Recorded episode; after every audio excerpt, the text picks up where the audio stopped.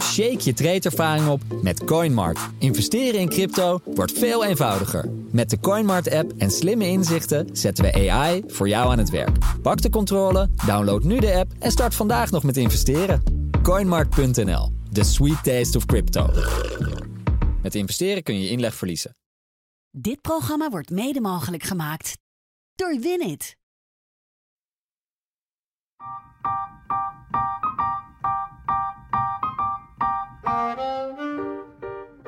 Sommige mensen kunnen ook alles, hè?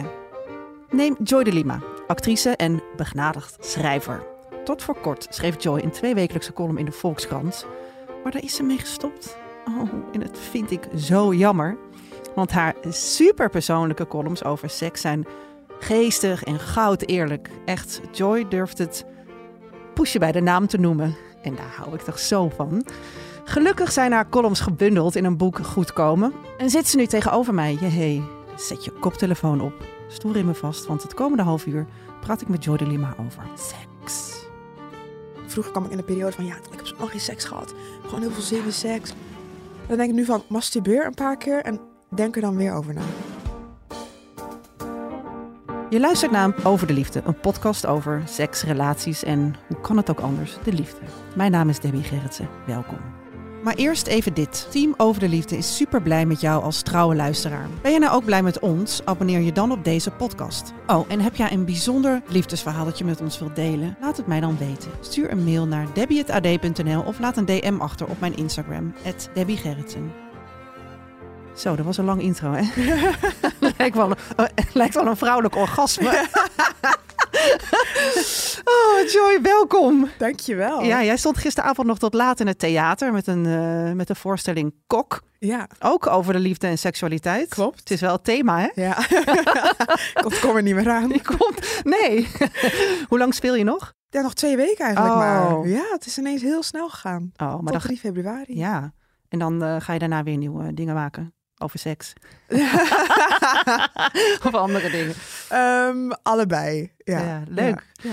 Hey, naast je carrière als actrice schreef jij de afgelopen jaren, eh, ja, wat ik al zei, echt bijzonder openhartige columns over seks Mm. ehm, in de Volkskrant. Waarom deed je dat? Waarom ben je daarmee begonnen? Ja, ja, het, ja, omdat het me werd gevraagd eigenlijk. Mhm. Ehm, ja, even kijken hoor. Is alweer drie jaar geleden inderdaad dat Mhm. ik begon. Dat was midden in eh, een van de lockdowns. En ik schreef daarvoor eh, voor theater. En toen had ik een interview met ehm Herien Wensing van de Volkskrant. Mhm. En dat interview ging onder andere gewoon over de dingen die ik aan het doen was. En toen vertelde ik dat ik heel graag. Nou ja, dat seksualiteit en seks en praten over seks een groot onderdeel van mijn leven is. En dat ik het belangrijk vind om met mijn werk als acteur ehm, ja, dingen te kunnen maken over bepaalde onderwerpen die nog taboes hebben, et. Mhm. En toen zei ik, ja, ik zou heel graag eigenlijk het volgende stuk wat ik wil maken voor het toneel over seks willen laten gaan. Willen laten gaan is. Over seks willen maken. Mhm. Ehm, maar dat kan niet nu, want corona, bla. Ehm, en toen vertelde ik een aantal korte verhalen ook in dat interview. En toen eigenlijk kwam, kwam eh ja, Aimee Kiene van Volkskrant Magazine. Van, Ja. Oh ja, zou je dat dan misschien bij ons willen doen? In de vorm Ja. van een column. Ja, het was, het was zo random, ik dacht, dit heb ik nog nooit gedaan. Dus ik heb geen idee hoe. Maar let's do it. Nou, en ja. ja, supergoed. Maar, maar waarom was jij zo, waarom schreef jij die stukken al? Waarom was je ermee bezig? Hoe, eh, Ah ja, nou, ik, ehm, ik kom eigenlijk uit een, uit een tijd, wou ik zeggen. Ik kom uit de tijd. Maar, nee, ik, had, ik wist niet hoe ik over seks moest praten. En ik had een heel, ja, eigenlijk heel slecht seksleven. Maar dat wist ik niet zo goed, omdat ik nooit met mensen over sprak. nee. En ik eigenlijk altijd maar gewoon wat deed en fakte. Niet orgasmes faken, maar wel genot faken. Oh, ja. Dus ik was gewoon heel erg porno aan het nadoen mijn Ja, hele ja. leven. Heb jij nooit een orgasme gefaked? Ehm, ik heb één keer een poging gedaan, maar dat lukte niet goed. En ik denk niet dat hij toch actrice? Ja, ik weet het, maar in het moment. Gelukkig kan ik dat dan loslaten. Maar ik was gewoon, hij, eh, dat schreef, ik ook in mijn boek, ja, dat hij eh, ineens mij ging eh, heel ruw ging vingeren en toen echt, echt na max 15 seconden zei, kom dan. En ik Oh ja. uit shock soort, ah, ja, een poging deed. Tot, ja jij noemde dat klitjakkeren. Nee, dat was toen ik zelf, eh, Ah. ja, ja, ja. Nou, daar heb ik Ja. zo hard om gelachen. Vond ik zo grappig. Ja, Maar dat vind ik sowieso ontzettend leuk aan jouw columns. Want je zegt het allemaal maar je, en je noemt het gewoon allemaal op. Ik bedoel, dingen die, ja, die iedereen heeft. ja. Ik noem even kutscheetjes, masturberen met een kaars, harsen van je bilnaad, stinkende schimmelinfecties. Ik bedoel, we hebben het allemaal. Ja, maar jij schrijft het op. Voelde je tijdens het schrijven een soort cringe? Of dacht je wel eens van, oh mijn god, wat schrijf ik allemaal op eigenlijk? Nou, het helpt dus heel erg dat je niet je publiek ziet. Ja. En dus, omdat ik begon in corona ook, was ik gewoon ja, thuis. En ik schreef gewoon ja, in mijn woonkamer. Dus het- ik probeerde altijd te schrijven alsof ik met een vriendin sprak. Ja, ja. En toen ik later pas, echt toen mijn boek uitkwam, het soms voor een zaal ging voorlezen, toen pas voelde ik van, wacht, dit is echt heel privé of dit is heel embarrassing. En toen kreeg ik ineens een beetje zo, "Ah, sorry, maar ik heb dit opgeschreven. Terwijl toen ik het dus gewoon schreef en Ja. stu- opstuurde, boeide het echt niet. En, Er kijken duizenden mensen naar. Ja, miljoenen en mensen. dat, dat, maar dat, dat voelde, ik, voelde ik dan niet. Maar wat wel heel fijn was om te merken, is dat ik schaamte ervoer altijd rondom bijvoorbeeld schimmelinfecties of inderdaad bilnaadhaar. Maar toen ik het dus schreef, en dan kreeg ik altijd mailtjes van mensen, van lezers, die allemaal zeiden, oh, dat heb ik ook, dat heb Mhm. ik ook. Waardoor ik elke keer voelde, als je het opschrijft, is op een gegeven moment heb je ja, de macht teruggenomen van, Ja, over het, ja. het onderwerp. Het werkt een soort van bevrijdend bijna. Ontzettend. Ja, En toen dacht ik echt, oh, maar dan kan ik eigenlijk alles zeggen. ja. Want wat Maar is hoe nou... lekker is dat? Ja, heel fijn. Ja, want wat maakt het dan nog uit? Ja, het enige wat ik nooit deelde was dan mijn persoonlijke seksuele fantasie. Want ik dacht, dat Nee, boeit... Nou, misschien boeit het wel iemand, maar ik bedoel, dat het gaat niemand aan. gaat niemand wat aan. En het, heeft geen, het, het, het, het, het dient geen groter doel. Nee. Maar, Maar, wat, is dan, wat was dan het grote doel? Zeg maar. Het grote doel was echt om ervoor te zorgen dat mensen leerden praten over seks, Mhm. durfden te praten en hopelijk daardoor met hun partners, met hun ouders of kinderen beter konden communiceren en ook grenzen leerden aangeven. Ehm, en echt om de taboes eraf te halen. Ja. Dat ik gewoon wat ik bij mezelf heb gemerkt van, oh, ik kwam soms in situaties terecht waarin ik tijdens de seks eigenlijk iets niet wilde, maar gewoon niet wist hoe ik dat moest Ja. aangeven. Of ik wist niet dat ik dan, ja, klinkt nou zo stom omdat het zo normaal klinkt voor, eh, voor mij ook. Maar ik wist niet dat ik dan als ik seks had, dat het normaal was om dan tijdens te zeggen, oh, ik wil eigenlijk nu stoppen. Oh ja. Weet je, wel, oh, dan moet ik het eerst afmaken, Ja. want dan is zielig voor hem dat hij, weet je wel, zo, Ja. zo dacht ik echt van, oh, hij moet eerst klaarkomen. Maar het is Dat- zo grappig, hè? Want Ja. jij, bent, eh, jij bent nu 29, ben je? Ja. Ik ben ietsje ouder en ik ben hoofdredacteur geweest van, van Viva, een tijdschrift dat helemaal daarover gaat, Mm. ongeveer. Dus we zitten echt in. eh, Als ik jou hoor praten, denk ik, wauw. Ja, dat praten over seks is zo ingewikkeld en het blijft gewoon zo ingewikkeld. Ja. eh, en we, we leren er eigenlijk maar niet van. Hè? Dat is dat supergoed dat je het doet, maar wanneer, wanneer gaan we er nou eens echt elkaar eh, leren? Eh, hoe, hoe, werd dat jou, hoe, hoe werd dat jou vroeger aan? Hoe ging dat thuis bij jou? Eh, Praten jullie erover? Of nog, ja, werd dat Mm. gedaan? Of hoe leerde jij eigenlijk over seks? Nou ja, via porno eigenlijk. Dus ik ja, ik was niet Supergoed. top, Top. was een glanscarrière, ik wist het vooruitzicht. Nee, ik... eh, Pornhub is je allerbeste. Oké. Nou ja, dat was het. he- Ja, mijn moeder, toen ik ongesteld werd, zei mijn moeder: ehm, Als je iets wil vragen, kan dat. Mhm. Maar dat is natuurlijk, ja, dan ga je niet automatisch, mama, hoe moet ik dit? Hoe moet-" Nee. Dus echt over seks heb ik nooit leren praten. Dat is ook, zo begon ik ook aan mijn columnreeks van. Ik heb er Mhm. nooit over leren praten, daarom ga ik erover schrijven. Mhm. Ehm, dus ik, ik was best wel vroeg geïnteresseerd in seks. Seksualiteit weet ik gewoon nog. Ik ontwikkelde ook best wel vroeg eh, schaamhaar. Alsof, ja, misschien dat gewoon mijn lichaam snel ontwikkelde, waardoor ik snel geïnteresseerd was in, Mhm. oh, ja, echt, wat- ja, toen ik ja, in mijn hoofd acht was of zo, ja, toen Sexetra op tv. En dan keken we altijd Fear Factor en dan kwam daarna Sexetra en dan moesten we zappen. Dan ging ik dan stiekem boven op Verder de andere kijken. tv naar Sexetra kijken Ja, ja. waar gewoon best wel expliciete beelden ook eh, kwamen. En nou, zo en toen met op school jongens die dan stiekem naar seks.nl en Ja. zodoende kwam ik gewoon best wel vroeg in aanraking met porno. Het heeft me altijd gewoon heel erg geïntrigeerd. ja. Dacht, wat is dat dan? En daardoor ging ik dus... Het is natuurlijk het- ook heel spannend. Ook Ja, als kind denk je ook, wow, wat, wat is dat? Je Precies. voelt iets wat je nog nooit eerder hebt gevoeld, denk ik. En, Ja, en ook gewoon in, is dat in groep 1, weet ik nog, toen Mhm. we vier waren, dat toen in de poppenhoek moest ik een keer met vier of vijf jongens na, in de pauze mochten we niet naar buiten, want ze hadden niet opgeruimd. En toen eh, gingen we allemaal elkaars geslachtdelen laten zien. Oh, ja. Gewoon zo van, oh, wat heb jij dan? Wat heb... Ja, ja. En toen kwam er eh, de conciërge binnen en die ontzettend boos. Nou, natuurlijk, ze werd heel boos op ons. Van, dit mag je nooit meer doen. En ik weet gewoon nog dat ik een soort schaamte voelde, maar Ja, ik snapte ja. niet waarom. Nou, maar dat... Ja, dus was ze van, oh, oké, dit mag niet, maar hoezo? En wat, wat, Als wat hij nou anders had gereageerd, dat je misschien heel anders er tegenaan gekeken. ook. Ja, want, want- waarom zou je erover schamen? Je bent een klein kind. Ja, natuurlijk. Ja, ik denk dat Dat zij gewoon ook dacht van, oh mijn god, wat, wat, doe ik? wat, ja, wat, doen die hier? kinderen hier? Ja. Allemaal zo half naakt een pophoek. Sorry. ja, Nou, maar het is heel herkenbaar, want Ja. ik denk dat heel veel jonge mensen dit hebben gedaan. En ik, kan me Ja, herinneren dat ik ja. kusjes eh, achter de school gaf aan Precies, jongens. en met het is helemaal niet- ik niet kon kiezen. Ja.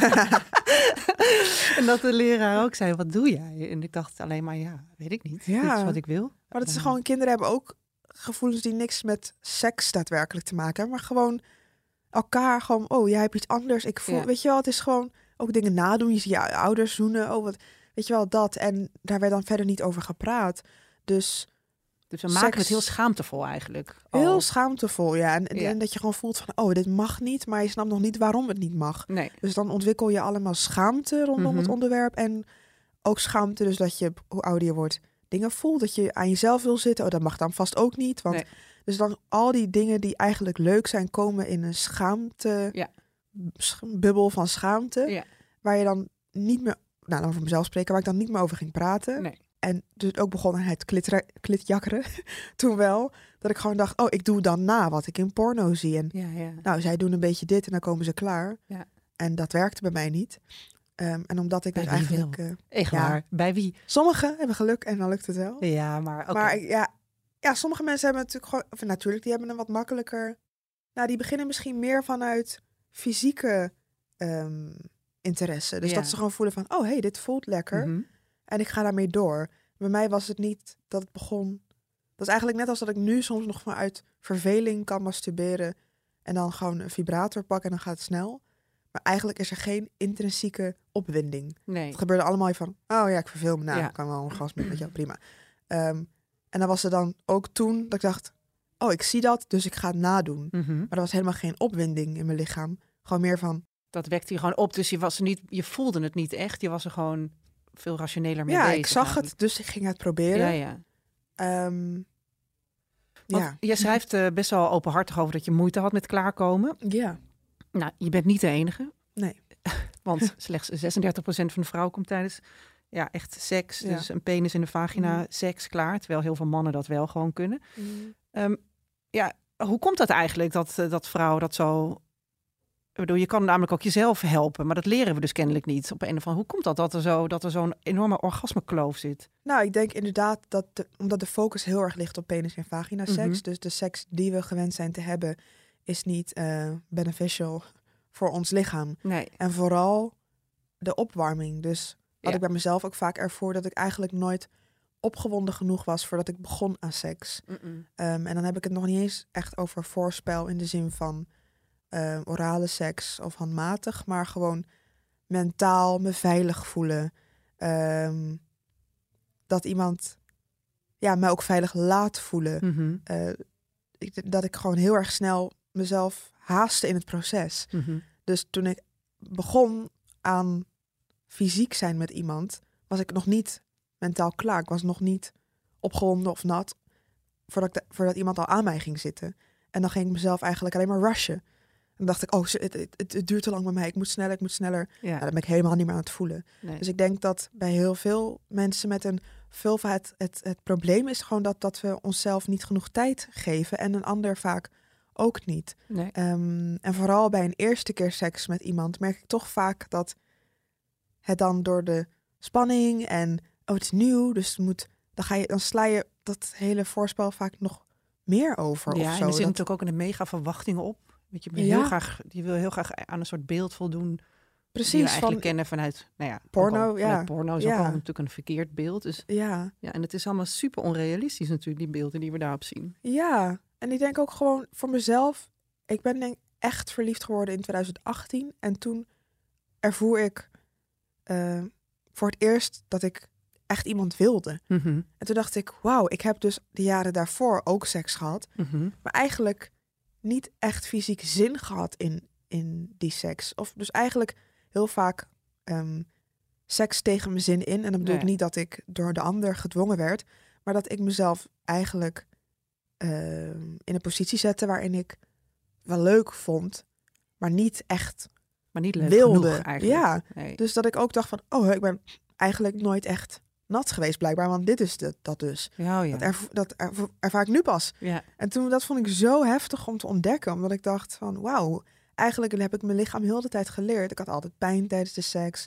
Weet je wel, het- als ik al een beetje nat werd, was het na een paar keer penetreren ook weer weg. Mhm. Dat ik, en dan dacht ik altijd dat er iets met mij aan de hand was. Ik ging naar de huisarts van, ja, ik word niet nat, doet pijn. En Wat zegt een huisarts dan? mijn huisarts vroeg, ehm, ik ging eigenlijk voor pijn, dus naar de, naar de, naar de seks, naar de huisarts van voor, eh, pijn tijdens de seks.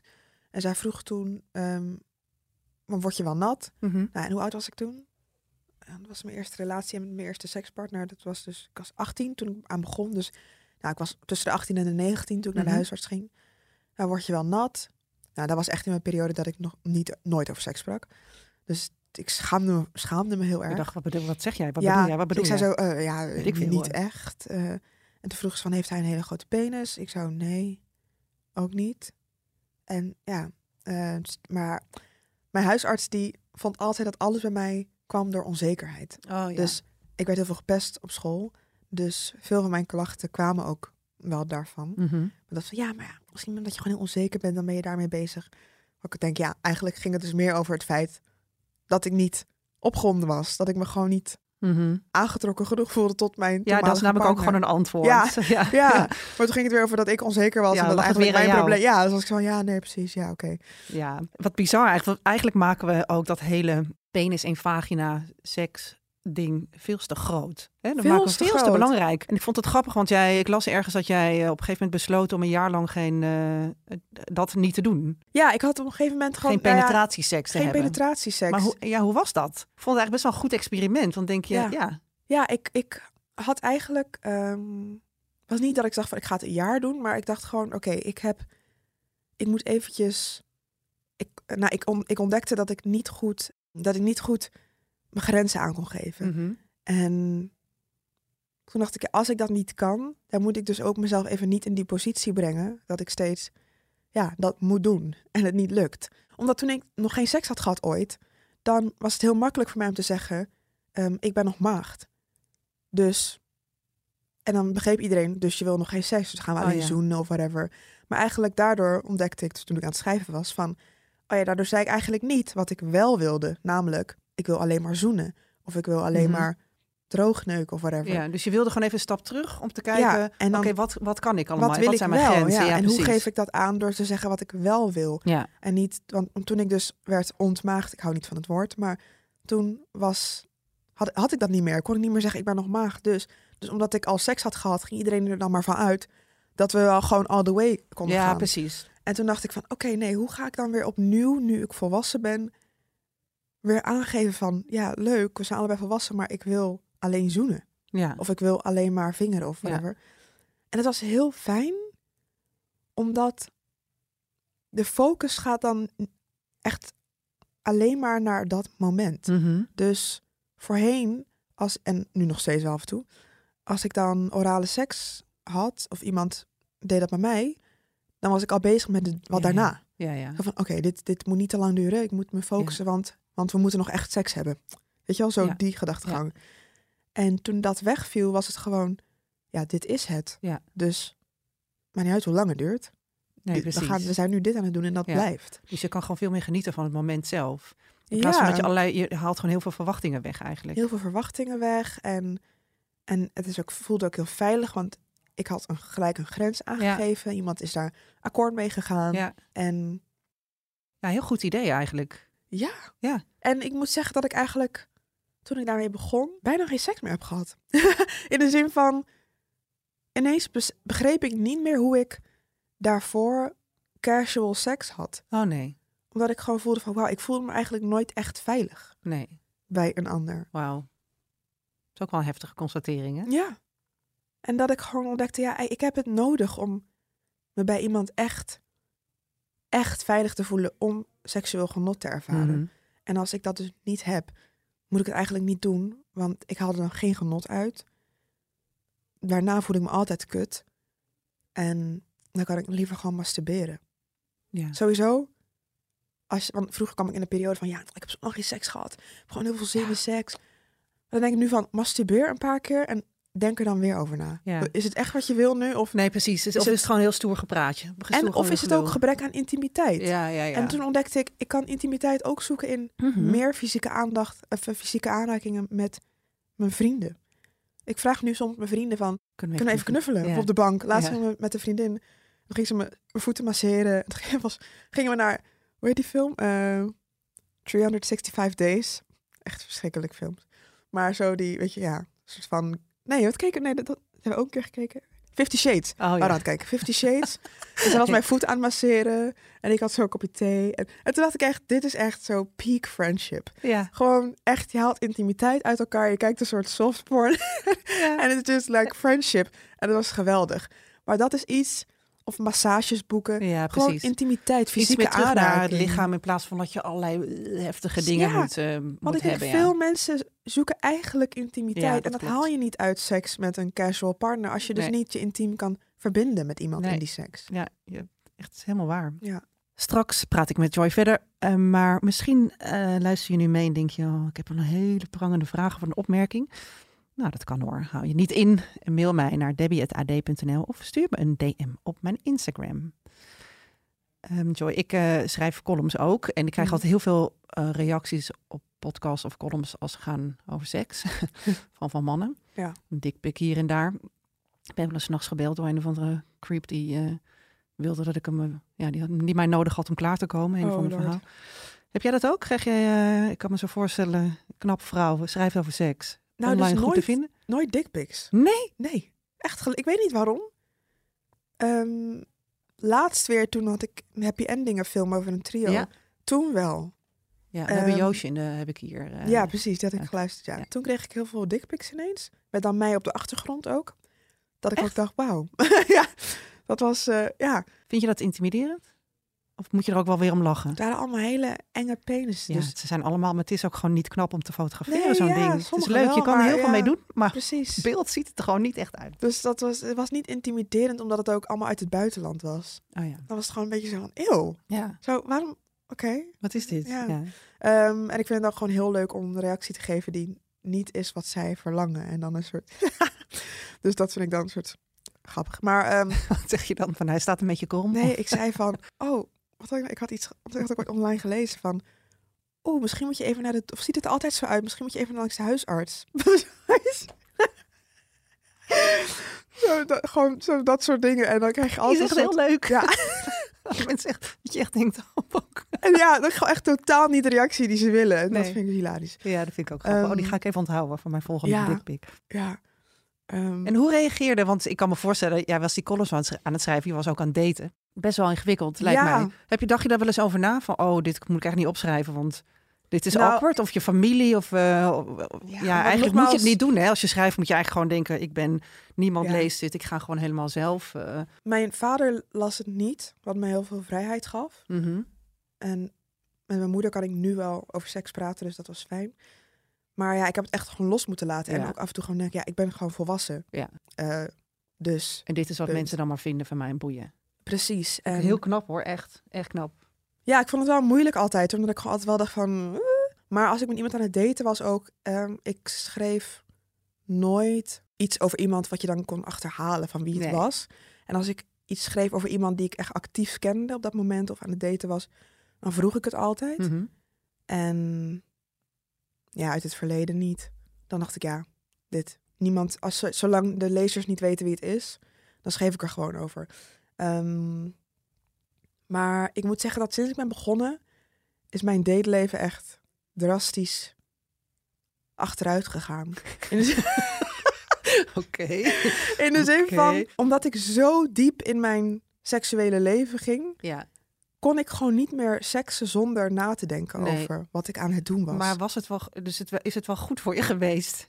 Nou ja en nee, want ik denk dat ik anders gewoon was doorgegaan Ja. met wat ik deed. En omdat ik dus echt stopte en toen dacht, wat ben ik aan het doen? Ja. Dus ik ben gestopt ook ondertussen met de columns en ik merk dat ik ook even niet intrinsiek voel van, ik ga weer op dezelfde manier door met schrijven, omdat ik echt even nu ook weer in therapie ben gegaan. Omdat ik merkte van, ik heb echt veel nog niet verwerkt. Mm. En door over te schrijven merkte ik ook dat ik van mezelf verlangde dat ik... Ja, ik moest natuurlijk elke week iets schrijven. En soms was ik nog niet op een punt dat ik daar... helemaal klaar voor ben. Ik snap het wel, want schrijven is echt...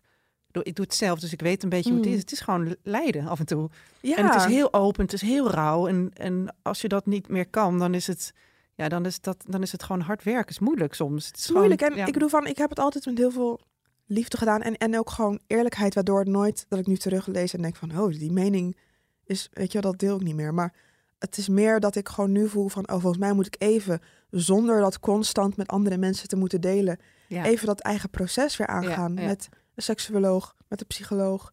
En ik heb gewoon heel veel trauma's die ik nooit heb verwerkt. Mhm. Weet je, ik ben aangerand met verkracht en dat heb ik niet verwerkt. En dat zit in mijn lichaam. En door over te schrijven heb ik ontdekt dat ik eigenlijk met elke sekspartner onbewust nog angst in mijn lijf heb. Dat, dat zij mij gaan verkrachten.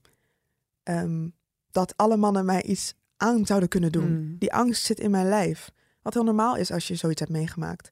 Alleen, ik dacht altijd, nou, dat, zit, dat, dat, dat is toch al weg. Mhm. Want het is al zo lang geleden gebeurd. Maar ehm, ja, dat is niet. En ik had dit jaar moest ik met iemand werken die waarmee ik dat had ooit had meegemaakt. En toen kwam dat weer zo terug in mijn lichaam. Dat ik gewoon dacht van, oh, ik kan dat wel loslaten. Maar toen moest ik hem elke dag zien. En toen voelde ik gewoon van, wow, er zit zoveel onverwerkt trauma. Mhm. Ik moet daar weer echt mee aan de slag voordat ik op een leuke manier seks weer kan hebben. Ehm, dus mijn dateleven, om weer daarop terug te komen. Nee, het is gewoon, ja. Ik bedoel, ja, dat, dat moet gebeuren, Ja. nu. Ja, Maar- ik word er zelf ook even stil van. want Ik, ik vind het altijd heel lastig om te horen, omdat ik het zelf ook heb meegemaakt. En veel Mhm. vrouwen hebben het natuurlijk meegemaakt. Dus je voelt heel erg, ja, godverdomme. Het is natuurlijk, ja. je hebt, ja, dat is gewoon pijn die je even moet gaan verwerken. En, en dat hoort ook ja. Dat hoort ook, ja, dat is ook, dat is de, de keerzijde van deze, van deze Ja. medaille. Het is heel hinderlijk, omdat ik dan voel van... Oh, ik wil gewoon ook leuk seks hebben. Mhm. En je moet dat eerst nog gaan verwerken. En Mhm. dat is iets waarvan je weet, ja, trauma's verwerken, dat gaat niet binnen een paar maanden of een jaar. Dat is iets wat je eigenlijk je hele leven mee. 100 draagt. procent. 100 procent. En daar ga je is echt het, nog ja, altijd, ja. Dus Des zo- te belangrijker dat je dus je veilig kunt voelen. Nou ja, dat is En ook ja. wa- waarom ik het zo goed vind dat je het wel. Kijk, ik snap dat je nu even denkt: "Oh, ik heb helemaal geen zin in om hier nog over te schrijven. Dit is even, dit was mijn journey en dit is even goed. Ik ga nu aan mezelf werken. Maar het is ook zo belangrijk om het wel te doen. Mm. Want al die, weet je, al die, eh, eh, die grenzen aan, door, door erover te praten, ga je grenzen aan, aangeven. En daardoor gaan we ook vrouwen leren te voorkomen, hopelijk, ja. dat mensen, mannen over, of mensen, mannen over jou, eh, in mijn geval, o- over, Ja. je, eh, over je grenzen gaan. ja, het is ook wel, wat ik merk, wel lastig in de zin van, ik kan, ik begrijp dat op papier en nu. Alleen als het me overkomt, dan kan ik weer helemaal dichtklappen. Mhm. Wat ook normaal is. En ik denk dat veel vrouwen die me mailden of zo dan vaak schreven van... Wauw, wat knap dat je dat kan en durft. En wat zeg je dat goed. Eh, en dan zichzelf een beetje aan het, eh, hoe zeg je dat? Neerpraten of neerhalen Mhm. zijn omdat zij dat niet kunnen. Terwijl ik denk, ja, maar dat is zo anders als je echt in die situatie zit. Dan vind ik het soms ook weer heel moeilijk. Ja, En dat ligt niet, ja, dat ligt deels aan mij, maar dat ligt ook aan, aan hoe iemands energie is. Als iemand mij energetisch niet het gevoel geeft dat ik een grens kan aangeven, ja, dan, is het, hoef ik, dan kan ik niet boos op mezelf worden dat ik dat niet heb gedaan. Want Mhm.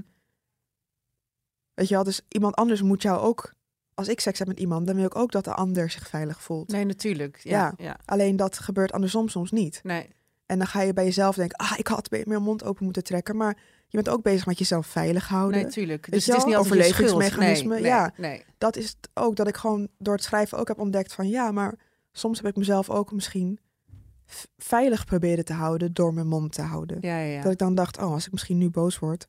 Niet dat dat goed is, maar om mezelf te begrijpen, om niet meer te denken, ah, ik heb dat verkeerd aangepakt. ja, ja. Te kijken van, oh, maar waar was ik mee bezig? Ik wilde mezelf dus veilig houden, dus daarom durfde ik dat niet.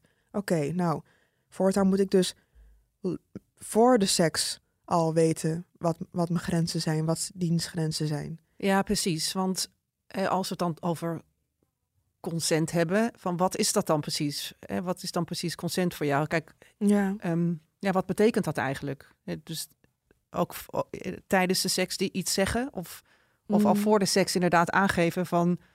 Ja, hallo, ja, zullen we dit of dat wel niet doen? Ja. Of, Nou, ik denk vooral altijd dat je jezelf zo makkelijk mogelijk moet maken. Laatst had ik een gesprek met een vriendin en zij had iets vervelends meegemaakt met een jongen. En toen zei ze, nou, ik ga het gewoon de volgende keer als hij het weer doet, dan ga ik er iets van zeggen. En toen Oh, zei ja. ik, ja, maar maak het nou zo makkelijk mogelijk voor jezelf en zeg het gewoon nu.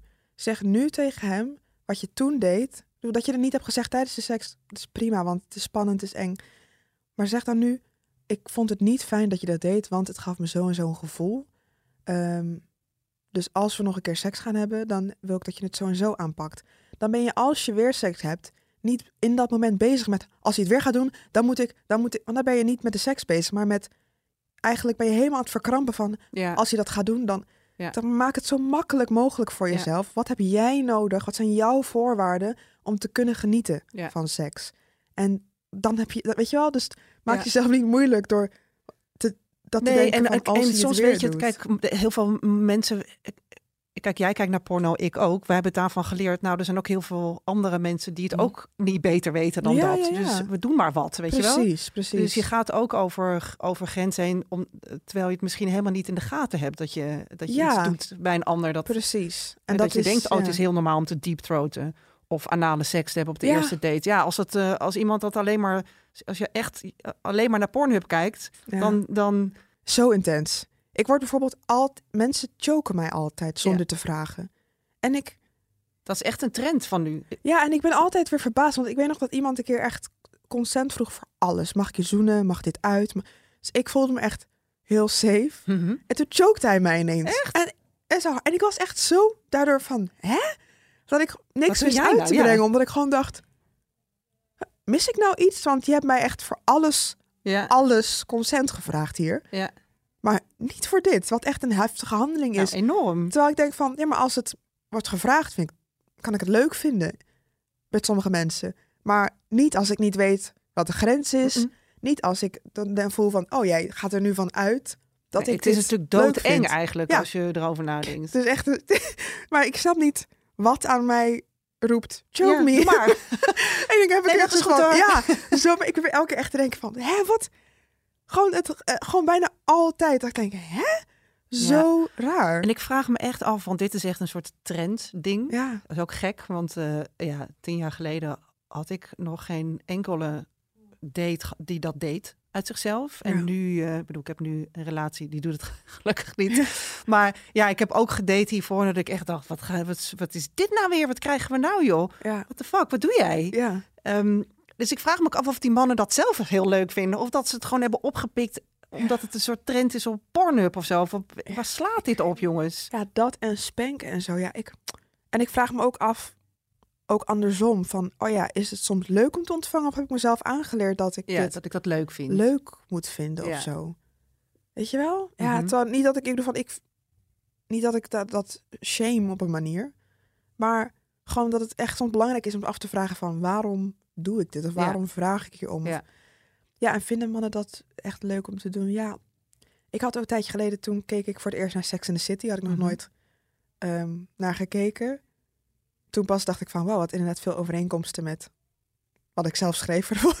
Want ik dacht expres altijd al die jaren, ik ga dat niet kijken. Want mensen zeggen vaak, hey, dan dacht ik, nee, ik ga me niet laten door beïnvloeden. Niet door laten beïnvloeden. Maar wat me heel erg opviel, was dat alle mannen waar ze over schreef, en die seks had met gewoon al die eh, meiden, die hadden allemaal iets wat zij inzetten. Dus er was dan een man en die hield van dit. En een man en die hield van dat. Oh, hij deed dit. Hij choked, hij spankte, hij Mhm. wilde, hij kwam in een pamper aanzetten of Mhm. whatever.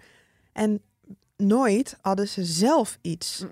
Zij waren altijd het onderdanig aan de wensen van die mannen. Ja. En toen dacht ik, oh, eigenlijk is dat wel interessant, want Dat is nog steeds zo. dat is nog steeds zo. Dat, dat een man, dat we dan zeggen, oh ja, hij was echt into this of into dat, maar en jij dan? Ja. Zo, Wat was jouw wens dan? ja, waarom komen vrouwen dan niet zelf naar de seks met, ik hou hiervan. Ja. Weet je wel, maar oh, in in Sex and the City viel het me gewoon op een gegeven moment op. Alle mannen waren, hadden iets. Want dat was natuurlijk heel de grap. Dat, oh, Ja. dat was die van de... Hm, of- Maar zelf waren ze, hadden ze niet Nee. specifieke... Ik kom echt uit de generatie Sex in the City. Tenminste, Mm. ja, ik heb daar wel echt naar gekeken, was ik wel wat jonger. Maar eh, daarin was natuurlijk ook gewoon één hoofdpersonage. Samantha was de vrijgevochten seksuele vrouw. Iedere vrouw die maar een beetje over seks sprak, of daar heel openlijk over was, ja, dat werd gewoon, dat was je gewoon een beetje een, ja, was je een beetje een gekkie of een slet of een hoer of een, ja, dat was niet, dat was in ieder geval geen wedding material, snap je? Dus, dus als vrouw is het natuurlijk ook een hele moeilijke positie om te zeggen, ik hou van joken. Ik Ja, vind dat precies, een prima, weet je, dat, niemand doet dat. Terwijl ik nu naar haar keek en dan vond ik af en toe Samantha ook heel preuts. Ja, kijk nu. Nu ja, omdat ik echt dacht echt, van, nou- hè, omdat ze bij heel veel dingen ook echt zei van, eeuw, of Ja. Dat ik echt dacht van, hè, oh ja.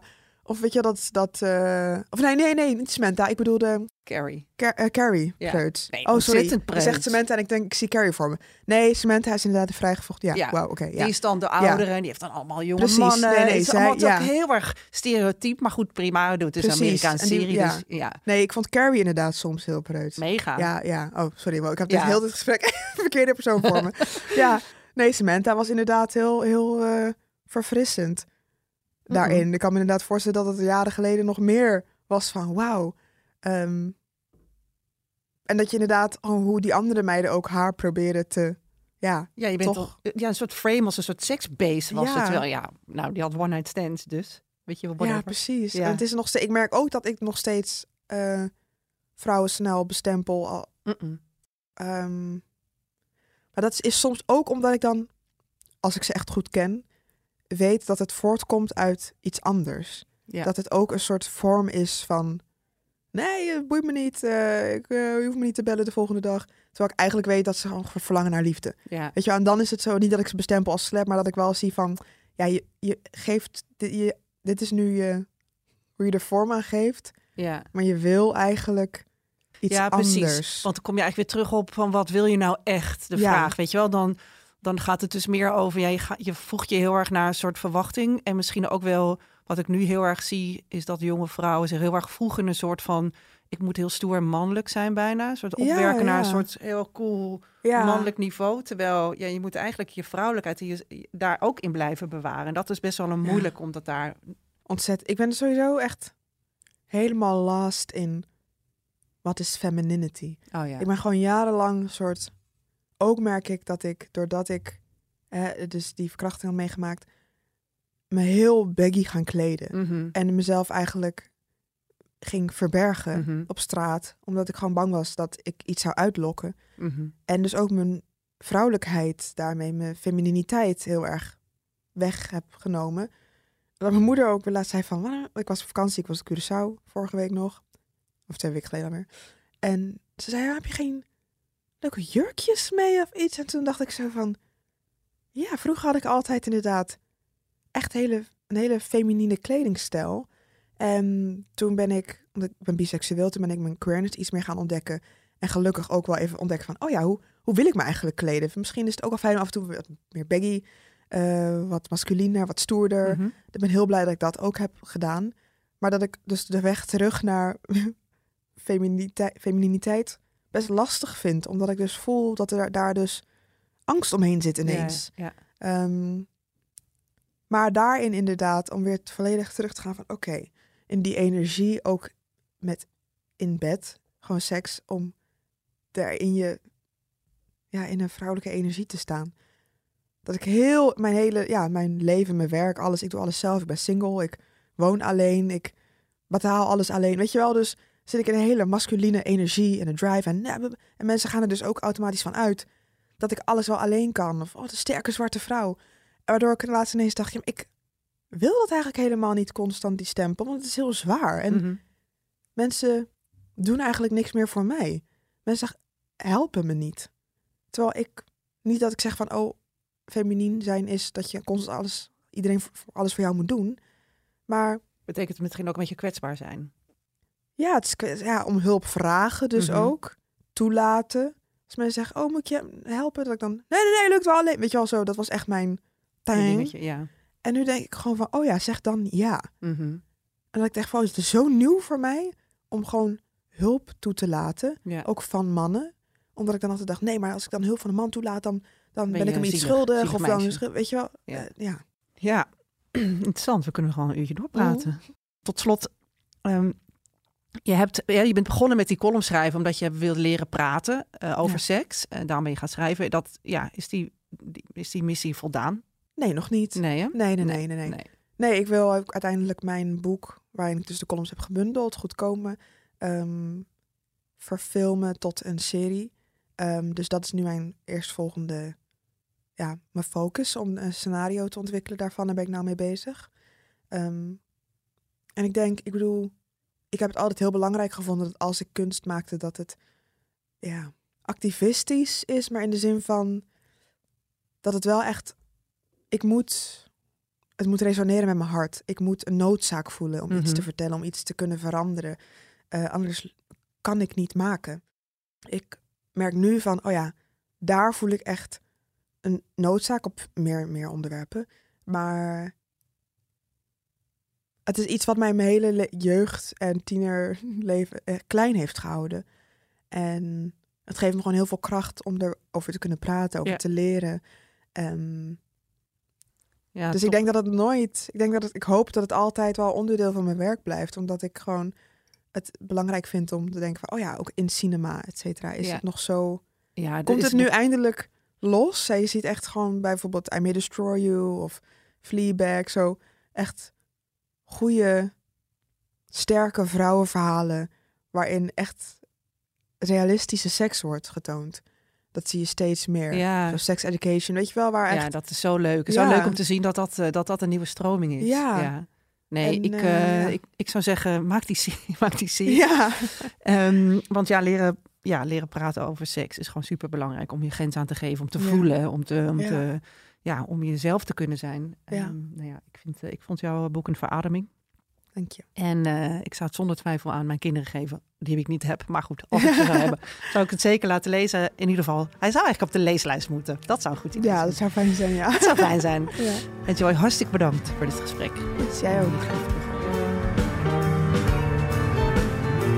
Leuk dat je luisterde naar Over de Liefde. Heb jij nou een prangende vraag over de liefde, seks of relaties? Laat het mij dan weten. Stuur een DM op mijn Instagram of mail naar debbie.ad.nl. Oh, en vergeet niet om je te abonneren op deze podcast.